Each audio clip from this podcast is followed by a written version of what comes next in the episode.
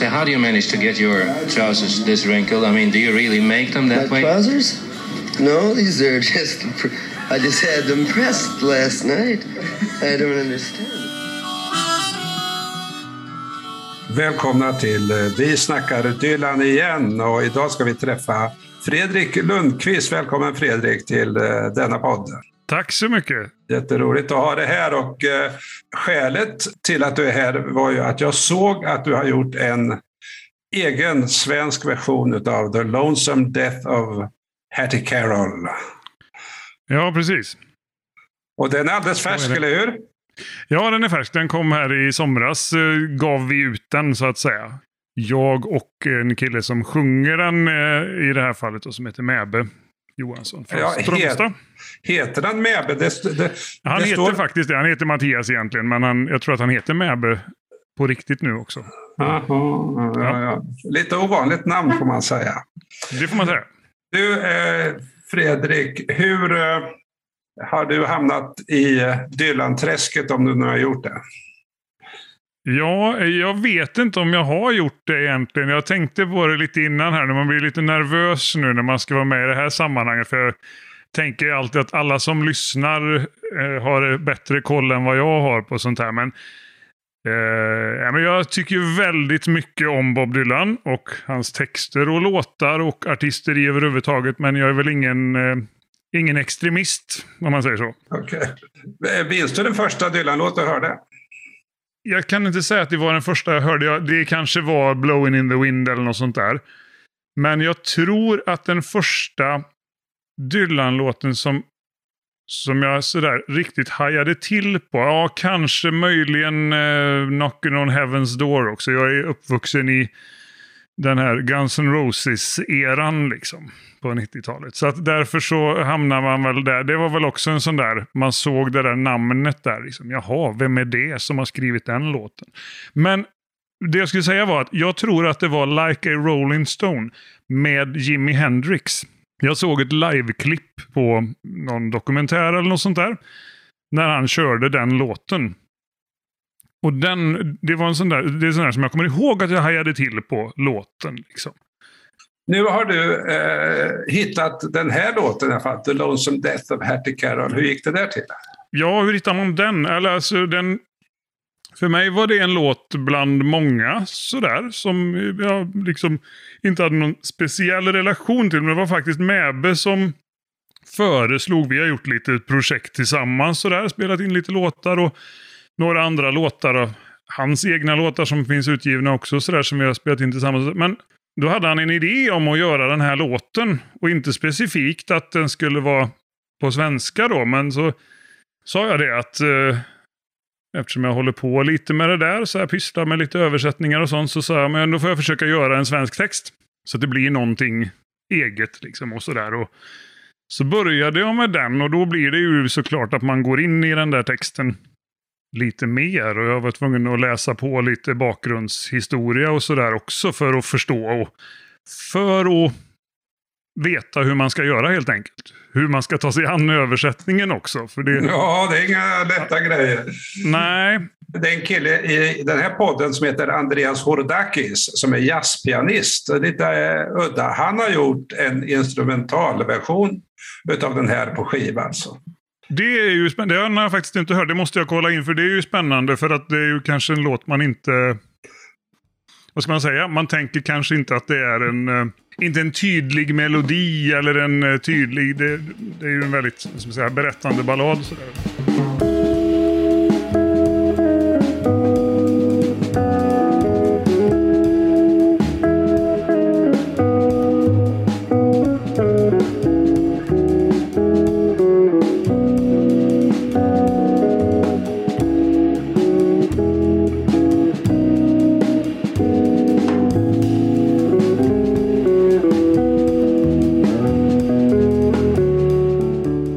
De säger att, att den är byggd på Mary Hamilton. Har du hört den låten?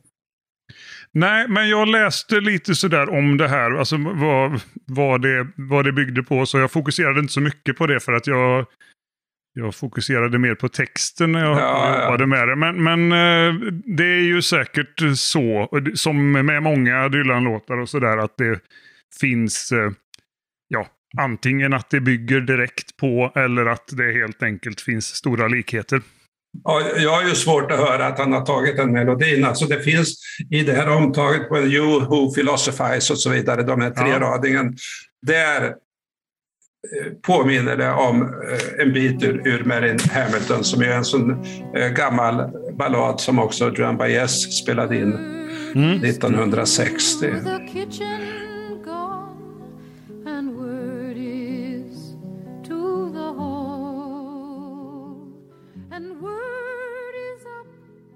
Ja, för att säga det så, så skrev han kanske färdigt den där låten när han var hos John Baez i hennes stuga i Carmel, California.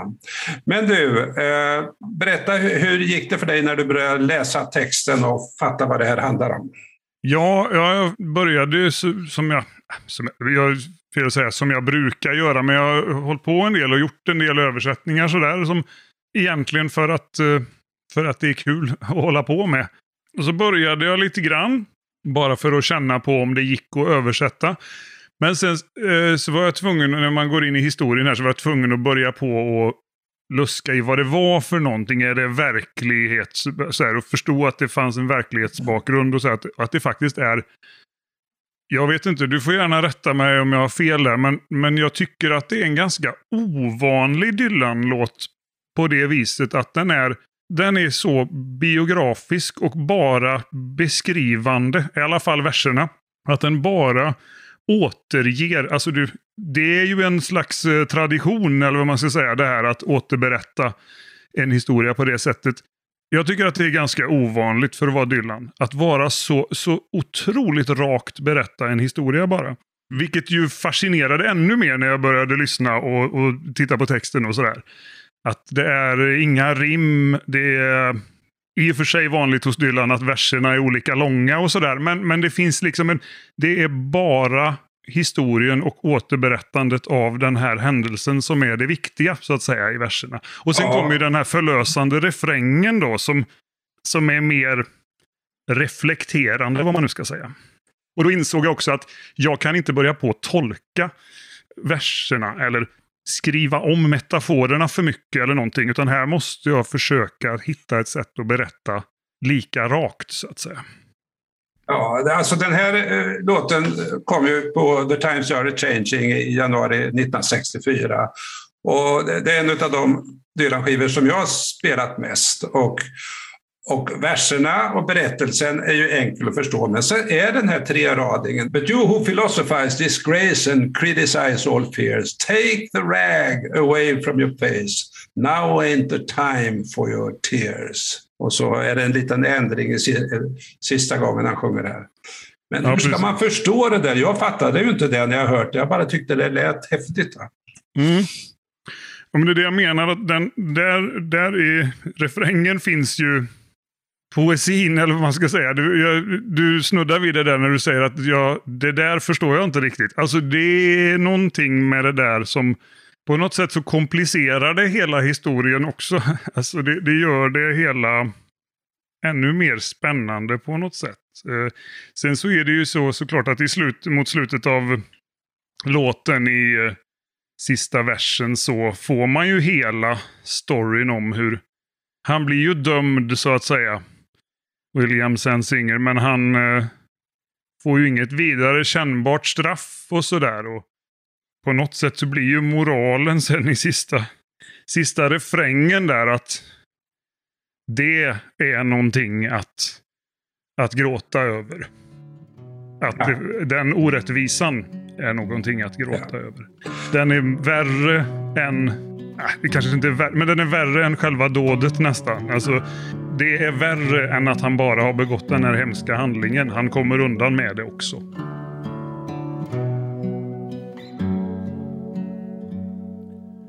Williamson Singer slog ihjäl Hattie Carroll med järnrör han snurrade lätt på sitt finger på ett flådigt hotell i de fina kvarteren. De ringde polisen och de tog hans vapen. Sen körde de honom in till stationen. Han anhölls för mord, ingen tvekan om saken. Men du som försöker förstå och förklara med filosofi torkar din kind en sista gång Tårarnas tid Ja, om man ska ge en översikt över den här låten så är det alltså fyra verser. Den första handlar om hur William St. Singer dödade Hattie Carroll vid en, eh, vid en fest, det var en välgörenhetsbal. Och det skriver han ju ganska rakt av, det och det och det hände. Sen andra versen, då beskriver han William St. Singer som var en eh, ganska rik man eh, och hade en annan social status än Hattie Carroll. William Singer, 24 år gammal äger en gård över 600 tunnland Hans rika föräldrar gav skydd och försörjning och goda kontakter inom politiken. Han ryckte på axlarna åt vad han gjort. Svor och förbanna är allt med sin tunga. Inom några minuter var han fri emot borgen.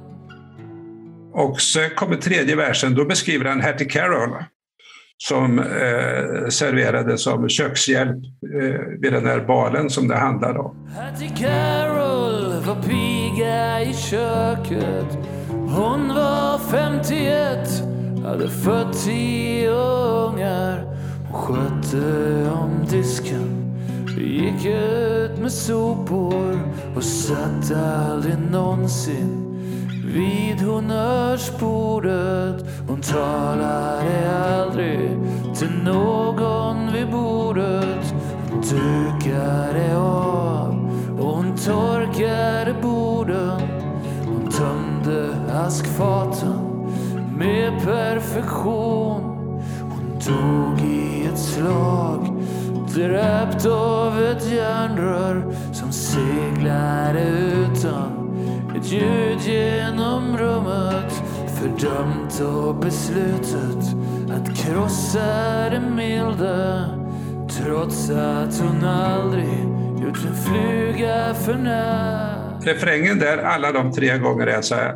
Nu är det inte dags för några tårar som du, som du har översatt det. Tårarnas Precis. tid är förbi, säger du. Va?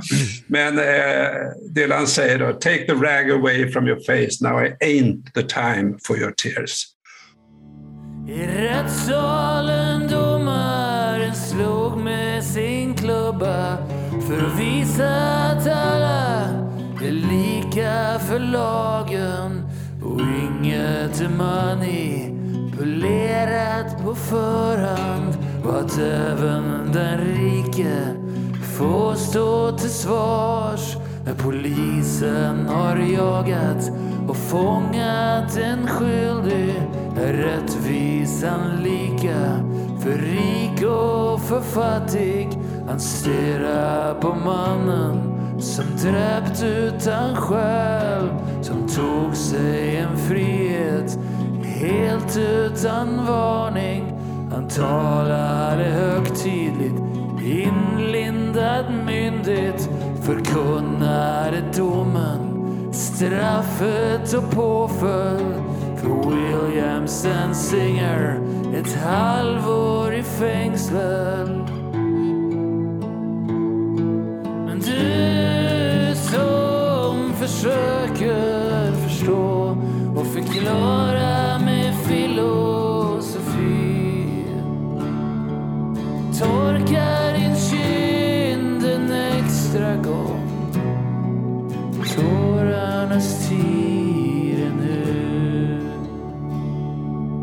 Tårarnas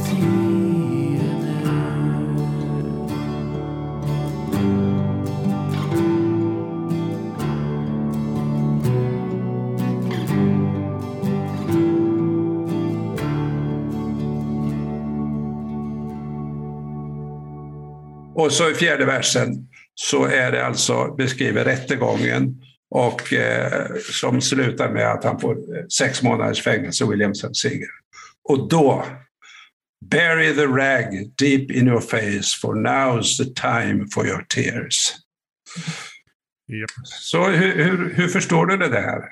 Ja, men ja, du, du, du sammanfattade ju bra här alltså den här eh, karaktärsbeskrivningen av honom i andra versen, av henne i tredje versen och den här svarta kvinnan som är eh, Folk så att säga och eh, bygger upp där och sen eh, rättegången då så att säga och, och, och det här att på ett sätt så får han ju sitt straff men, men det, det känns ändå inte riktigt rättvist. Sen måste jag säga det också, det där, och just det där att det är, det är någonting att gråta över så att säga. Det enda som rimmar i låten eh, sådär är ju refrängen och då måste man ju vända och vrida för att få det att fungera. Och så började jag på så hade jag lite olika alternativ och så, så kändes det ändå bäst när jag försökte sjunga det och sådär att eh, det där med tårarnas tid är förbi. Det stämmer ju inte tidsmässigt. Det, blir ju, det är ju jätteknäppt för att det ska ju vara tvärtom så att säga. Att tårarnas tid ligger längre fram. men men eh, jag tyckte att det var lite Dylanskt att göra så. Ja, jag, håller, jag håller med dig. Dylan är inte alltid logisk. Att vända på tidsperspektivet, Ja, ja. vilket jag tycker är en, en av de stora grejerna med Dylan i hans texter och hans sätt att behandla då och nu och sådär. Det, skulle, det, det kan du göra ett eget program om bara det. Eller hur? Så jag kände, nej, nej men det ska vara så. Det tid är förbi. Det spelar ingen roll liksom åt vilket håll. Det är i alla fall inte nu. Och sedan i sista versen så blir det ju, eller sista refrängen så blir det att tårarnas tid är nu.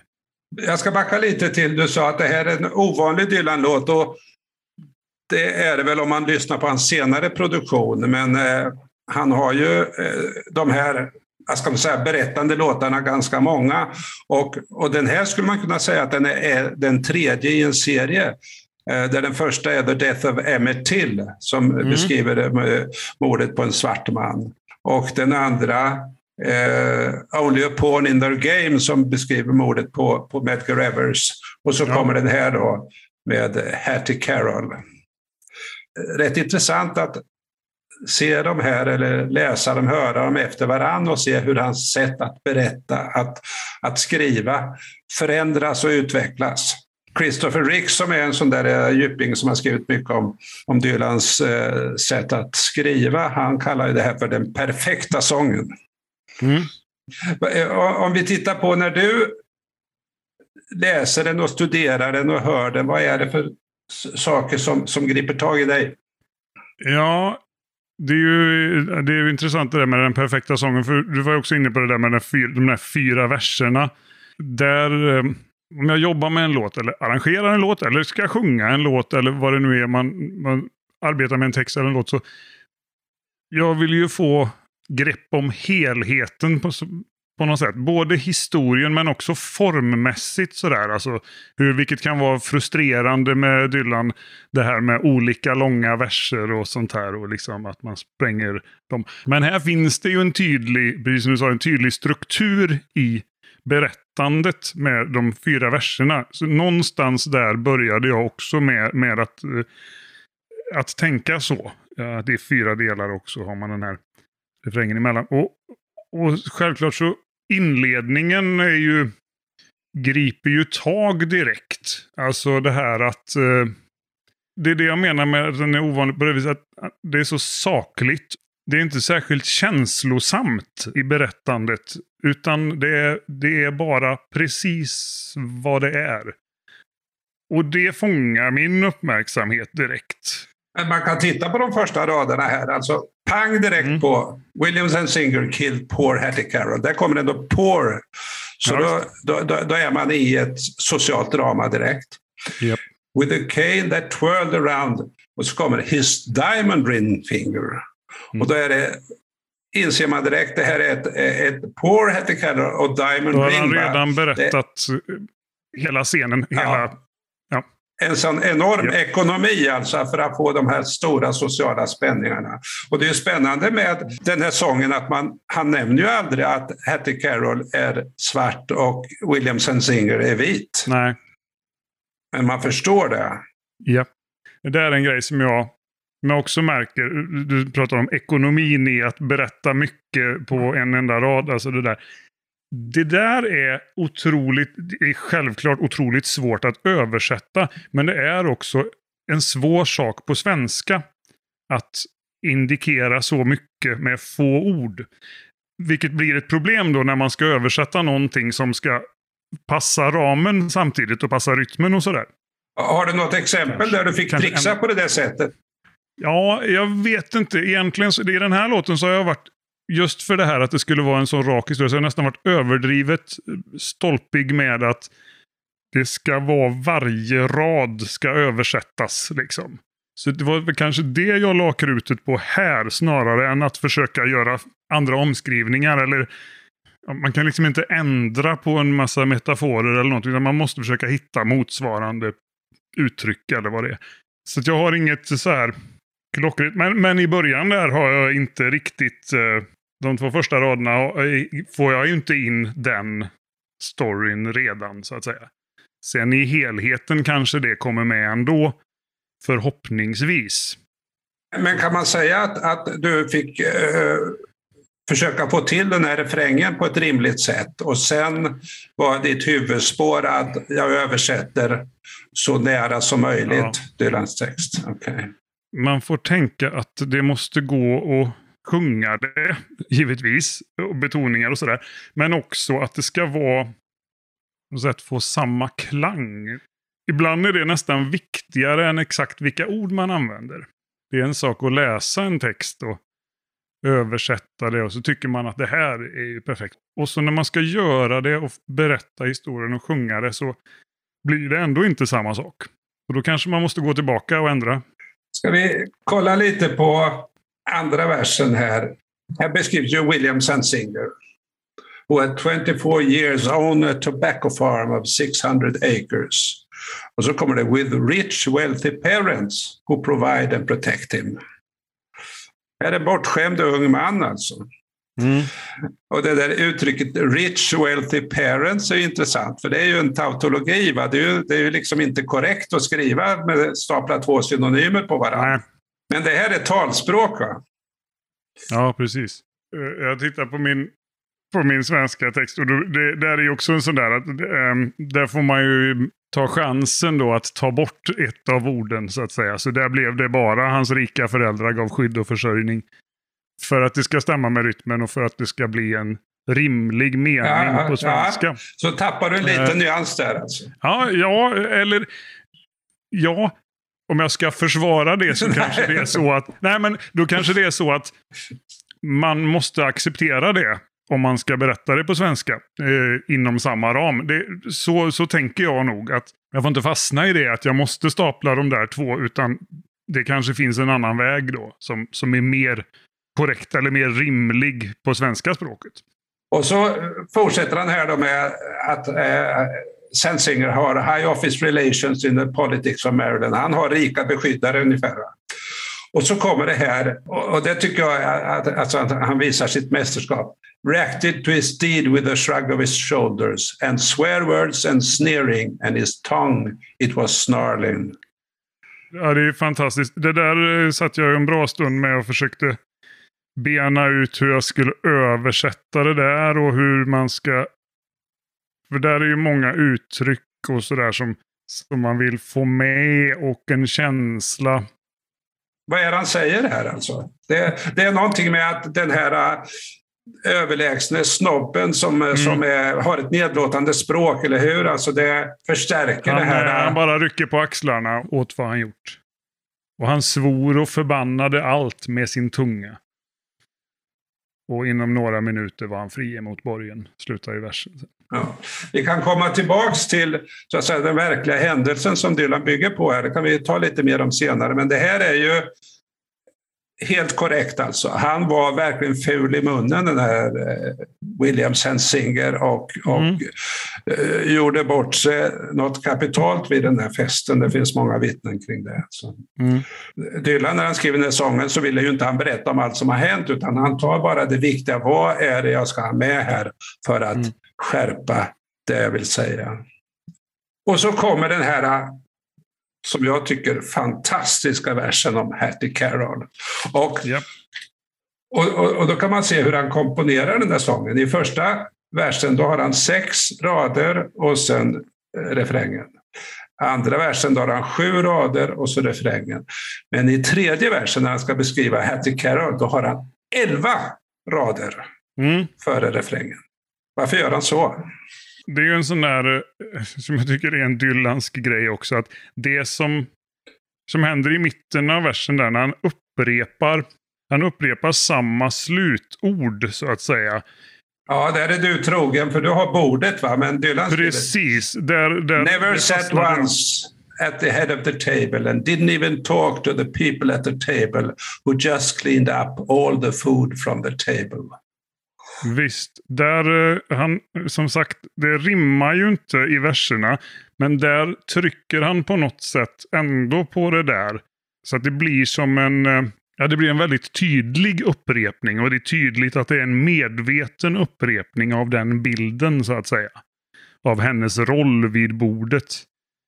Och därför försökte jag göra likadant där så att säga att så att man får den där känslan av upprepning. Att där Och- är och- det liksom någonting som stannar upp. Och, eh, och det han gör också är ju att beskriva för oss vilket oerhört trist och enahanda liv denna Hattie Carroll har. Hon kämpar, hon sliter, hon har eh, fött tio barn Mm. och så får hon göra detta rutinarbete om och om igen. Och just det understryker han med genom att upprepa ordet bordet tre gånger. Alltså det här är västerligt. Och ändå gör hon det med perfektion. Vilket ju också så att säga understryker den eh, moraliska orättvisan i det här. Att hon, hon är så oerhört skötsam eh, person som gör sitt tråkiga jobb till perfektion. Men medan han då, eh, överklass-slyngeln som, som beter sig illa och som, som, som verkligen är den raka motsatsen. Så att säga. Okej, och sen kommer det kommer ett problem här. För nästa rad är Got killed by a blow, lay slain by a cane. Och här är ett problem både för Dylan och för dig, tänker jag, i förhållande till vad som verkligen hände. Hur, hur eh, resonerar du här? Jag har skrivit då hon dog i ett slag, blev dräpt med ett järnrör. För där hade jag järnrör som eh, uttryck i första versen också. Det här är en fantastisk sång och han beskriver en social orättvisa som verkligen finns eh, och, och en, en rasism och ett klassamhälle med en massa våld och eh, ett eh, tveksamt rättssystem. Men själva händelsen var ju som så att det var inget järnrör utan det var en liten leksakskäpp Ja, som han hade köpt på en marknad innan och gick och snobbade och sprang omkring på den här festen och slog på allt och alla med och bar sig väldigt illa åt. Ja. Men man kan inte döda med den där. och hur var det? Hon dog inte heller Jo, hon, hon dog direkt, men eller? Nej, just det. Just det. Hon, hon dog dagen efter eh, i en hjärn, hjärnblödning. Så att Mm. idén är ju att hon fick en sån chock utav det här som utlöste den sårbarhet som hon hade i sitt cirkulationssystem så att hon fick en, en, en hjärnblödning och dog. Så, så att eh, det blir ju komplicerat när man, när man går in på det. Alltså för själva poängen i sången att rättvisan ger inte ett ordentligt straff utan han får bara sex månader därför att han hade så rika föräldrar ungefär. Och så. Ja, Eh, mm. Men eh, det där kan ju diskuteras och har diskuterats. Sensinger fälldes ju inte för mord utan för vållande till annans död då Ja, och fick sex månader. Eh, Jag översätter ju Dylans sång så att säga. Så där vore det ju märkligt om jag eh, säga, ändrade på hans beskrivning. Eller vad man ska säga. Det, Det skulle Nej, vara... ja, nej, just det. Men, men alltså, du går från Men- Kane, Kane till järnrör. ja, ja. Och, och min gissning när jag hör det här är ju därför att du vill anspela på någonting svenskt. Ja, Där vi har ett berömt, det var kanske inte... eh, järnrör i Ja. politiska sammanhang. Ja, ja, det var nog inte min första tanke ärligt talat. Utan jag försökte hitta ord som... Och det, sen tänkte jag nog tanken. Att det var därför som ordet dök upp. Och bestämde mig för att behålla det. Ja. Ja. ja, det är alltid svårt att hitta bra uttryck. Eh, Och det är inte alltid som uttrycken eh, motsvarar samma... Att det är samma värde så att säga i, i, i uttrycket på svenska och engelska. Men i vissa fall kanske man också utelämnar eh, någonting som är kanske väldigt tydligt eh, amerikanskt eller någonting som man anspelar på Ja, ja, ja, ja. på engelska som inte riktigt känns som att det är någon vits att göra på svenska. Och då måste man ju tänka att antingen det- man hittar ett motsvarande svenskt uttryck eller helt enkelt ja. Det här tror jag alla känner, alla känner igen som har försökt att översätta. Ja. Så att man får, man, man får trixa lite grann. Ska vi gå till eh, den här fjärde versen? Det är den som beskriver rättskipningen. Och poängen här är ju att, att rättvisan är blind. Den, den tittar inte på kön, eller klass eller hudfärg, utan det ska vara rättvisa. Mm. Och här här har han ju en rad som jag tycker också är så himla snygg. And that the ladder of law has no top and no bottom. För där har du ju en, en metafor. Det är ju inte så många metaforer i Mm. den här, men här är det ju det. Va? Ja. Som, som jag aldrig, för man pratar ju alltid om rättvisans vågskål och sådana saker, men the ladder of law, det har jag aldrig hört förut. Och det är, Nej. det är en överraskande bild alltså. Ja, hur säger man det på svenska då? Precis som du säger, allt det här med vågskålen och eh, att rättvisan är blind och, och det här. Där kanske det här, den svenska motsvarigheten i min version är rättvisan lika för rik och för fattig.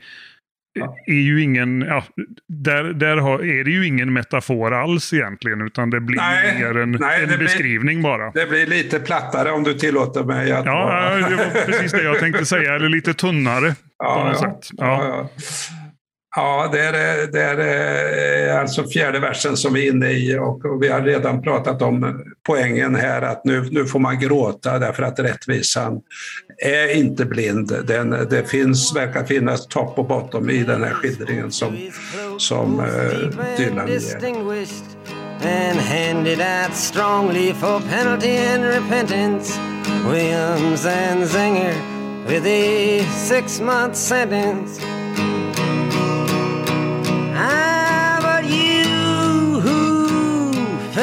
Philosophize disgrace and criticize our fears.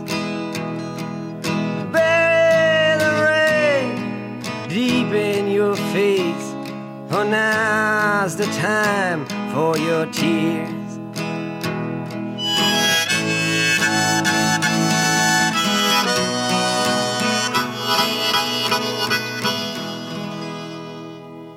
Ska vi säga något om hur den här sången kom till? Vad vet du om det? Nej, jag vet nog inte så mycket om det egentligen. Du vet säkert mer. Ja, alltså han... det var den här marschen mot Washington i augusti 1963.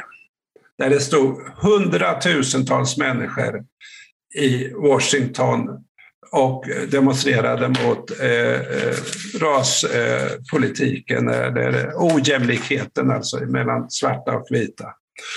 Och där håller Martin Luther King sitt berömda tal I have a dream. Och där är också Dylan med och sjunger för massorna. Han sjunger två sånger. When the ship comes in. Som är en väldigt intressant sång för att den, det är både hopp om, om förändring men det är också rätt mycket hat och hämnd i den på något sätt. För att nu jävlar ska ni få se. Mm. Och eh, så sjunger han också Only a pawn in the game, det som vi nämnde nyss om mordet på Medgar Evers. Och där gör han ju en samhällsanalys, alltså att den eller de som mördade Medgar Evers, de var ju bara någon slags eh, nickedockor i ett större spel. Ja. Och sen åker han alltså, jag vet inte om han åker bil eller tåg eller buss eller hur han tar sig till New York ifrån Washington. Och då läser han tidningen om den här äh, rättegången. Domen har just meddelats där, där äh, eh, Sensinger Singer får äh, sex månaders straff för det här till Carol. Och så börjar han skriva låten direkt. Och, eh, och det här är i augusti, så spelar han in den 23 oktober 1963 och så kommer den på The Times Are Changing i januari 1964. Så det går verkligen fort här. Alltså. Här är Ja. redan som en journalist nästan. Precis. Det var så jag reagerade på den också. eh, Just det här att, precis som du säger, som en journalist som återberättar en historia sakligt och tydligt. eh, Även om det inte riktigt stämde hundraprocentigt med verkligheten. Men eh, han färgar ju historien på det sättet han vill. Jag tänker att det är en folkvisetradition också. En, eh, det här att eh, sprida en nyhet genom att återberätta det i en sång. Som går ganska långt tillbaka. Låten heter The Lonesome Death of Hattie Carroll. Det var ju ett större sällskap det här och så vidare, men det ändå heter The Lonesome Death. Det finns ju ingen direkt anknytning till det i texten. Men eh, det säger ju säkert någonting. Hans val av titel så att säga. Titeln är ju en del av, av sången. Mm. Jag, tror det, jag tror det skulle kunna vara så här, alltså han ser den där rubriken i tidningen, en liten kort notis i stort sett. Mm, That's it, sen blir det glömt. Precis. Hon fick dö ensam utan någon större uppmärksamhet. Ja, Så skriver han den där låten. japp. Och då är det någonting, nu finns hon för alla. Då är vi med och delar sorgen för den här äh, hemska Absolut. händelsen. Och sen är det ju också musikaliskt bättre. Istället för The Death of Hattie Carroll så The Lonesome Death of Hattie Carroll. Ja, det är mer absolut. poesi. Mm. Absolut. Som jag, precis, som jag sa. Det, även låttiteln är en del av poesin. Det är nog, det, det är nog en, viktig, en viktig poäng att det är så. Ju, eh, Jag ändrade ju, jag ändrade ju på titeln. Eller alltså, Ja, ja. eh, Det är också så här. För vad ska man kalla den? Det hade ju varit konstigt att översätta titeln ordagrant. jag håller med dig. Jag tycker din titel är... ensamma död. Eller vad skulle det bli då? Ah, Det, det kändes ah, inte liksom som en, som Ah. en låttitel. Utan eh, då gick jag på nyckelordet där. Eller slutorden i texten. Ja, istället, I refrängen istället. Att det blev tårarnas tid. Ja, visst. Det är starkt. Det är starkt. Och det är, ty- det är Tårarnas tid är ju också det som ändras så att säga i sista. Att tårarnas mm, tid är förbi, men i sista versen så är tårarnas tid nu. Och då, Ja. då fick det liksom symbolisera hela sången på något sätt. Och det är mycket Dylanskt också. Han kör med allitteration hela tiden. Tårarnas tiden. Ja, Du, den, den, jag har ju hört flera gånger på, på er inspelning, din och Mäbes, och då eh, jag spelar den högt hemma och då säger min fru Va, har Thåström eh, börjat sjunga Dylans? ja, det har han ju gjort i och för sig. Han har ju spelat in eh, Men bara om min älskade väntar, bland annat. Så att, eh, det är väl inte en orimlig referens att eh, Mäbe låter lite Tåströmsk sådär. Det vet han om själv också tror jag, men eh, det är väl som det är. Det, det, det är väldigt snyggt i alla fall och jag rekommenderar Ja. till lyssning. Vi ska lägga en Mm, länk mm. till den där. Och eh, fortsätt gärna att eh, göra Dylan-tolkningar. Det, Ja. det här tycker jag var väldigt lovande. Vi, eh, vi försöker. Vi har eh, olika saker på gång. Det är ju en, man ska nämna det i sammanhanget också, att det är ju en oerhörd process det här att få godkända. Jag har skickat in ganska många översättningar och eh, aldrig ens fått svar tidigare innan den här låten. Vilket ju också känns väldigt märkligt för jag har inte fått ett nej utan jag har helt enkelt inte fått något svar.